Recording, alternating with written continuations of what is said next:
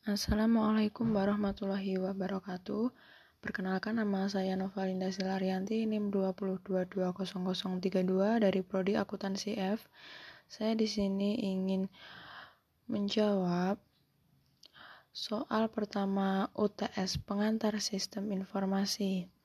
Soal yang pertama, apa itu sistem informasi?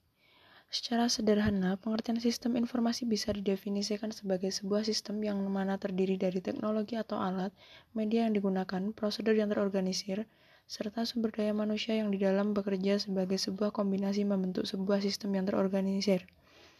Kombinasi antara teknologi dan manusia ini bekerja untuk mendapatkan sebuah informasi yang kemudian digunakan untuk mendukung suatu manajemen guna mengambil sebuah kebijakan atau keputusan.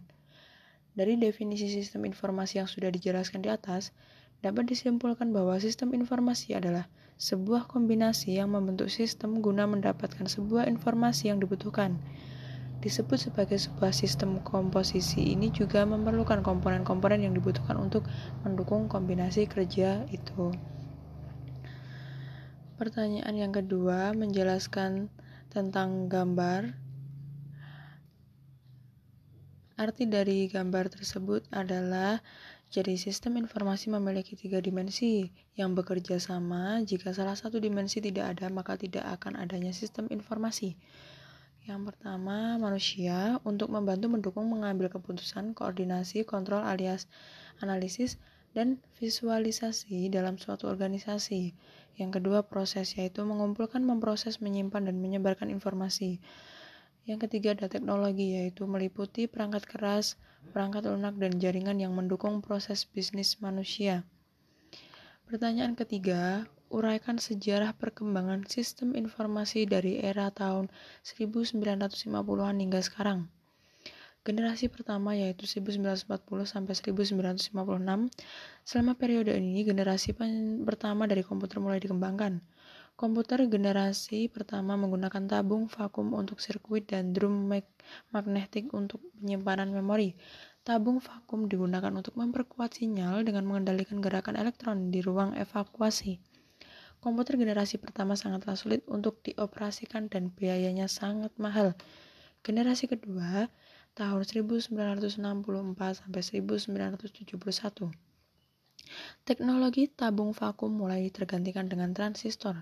Penggunaan transistor pada komputer mulai digunakan di akhir 1950-an. Keunggulan transistor adalah bentuknya yang lebih kecil dengan bentuk minimalis dari transistor komputer menjadi lebih kecil dan hemat energi. Di generasi kedua ini, bahasa pemrograman mulai diperkenalkan seperti contohnya COBOL dan Fortran.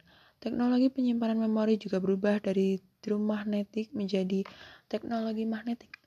Generasi ketiga yaitu pada tahun 1964 sampai 1971 pengembangan sirkuit terpadu adalah ciri khas dari generasi ketiga komputer. Bentuk transistor semakin diperkecil dan ditempatkan di chip silikon yang dinamakan semikonduktor. Teknologi ini semakin mempercepat kinerja komputer. Selama periode ini, mouse dan keyboard mulai diperkenalkan. Generasi ketiga juga sudah dilengkapi dengan sistem operasi. Generasi keempat atau tahun 1971, di periode ini prosesor mikro mulai diperkenalkan. Saat ribuan sirkuit terpadu dimasukkan ke dalam sebuah silikon chip yang kecil, prosesor pertama Intel 404 chip untuk menjadi otak utama di sebuah komputer. Saat periode inilah istilah personal komputer atau PC mulai digunakan. Dengan teknologi yang lebih maju, generasi keempat menjadi tonggak awal pembangunan internet. Generasi kelima atau sekarang sampai masa depan komputer menjadi generasi kelima dibangun berdasarkan teknologi kecerdasan buatan dan masih dalam tahap pengembangan.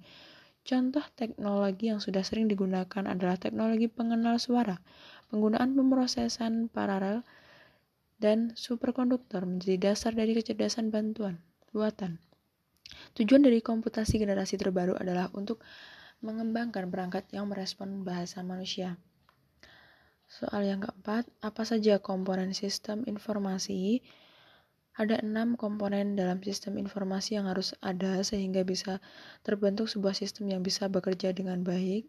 Komponen-komponen itu antara lain yang pertama adalah hardware. Perangkat keras ini meliputi berbagai piranti fisik yang dibutuhkan guna mendapatkan dan mengolah data informasi.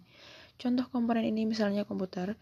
Komponen kedua adalah contoh perangkat lunak software atau yang juga biasa disebut dengan program.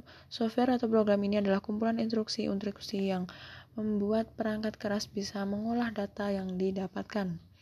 Komponen selanjutnya adalah prosedur yang mana menggunakan aturan yang digunakan untuk mengolah atau memproses data yang digunakan guna menghasilkan output yang digunakan.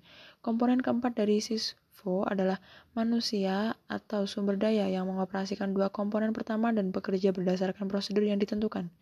Manusia atau sumber daya manusia inilah yang akan bertanggung jawab secara penuh terhadap proses pengembangan dan juga penggunaan output dari sistem informasi. Sedangkan hasil informasi yang dikumpulkan akan dibuat dalam bentuk database yang merupakan komponen kelima dari sistem ini. Database atau hasil data yang dikumpulkan ini bisa berupa hubungan, tabel, dan bentuk data lain yang berhubungan dengan informasi yang dibutuhkan. Ada juga komponen terakhir yang disebut dengan komunikasi data dan jaringan komputer yang merupakan sebuah sistem penghubung yang membuat resource bisa digunakan atau diakses secara bersamaan dan diakses oleh banyak pemakai. Sekian yang dapat saya jawab dan saya sampaikan dalam soal UTS yang pertama. Jika ada kurang dan lebihnya, saya mohon maaf. Wassalamualaikum warahmatullahi wabarakatuh.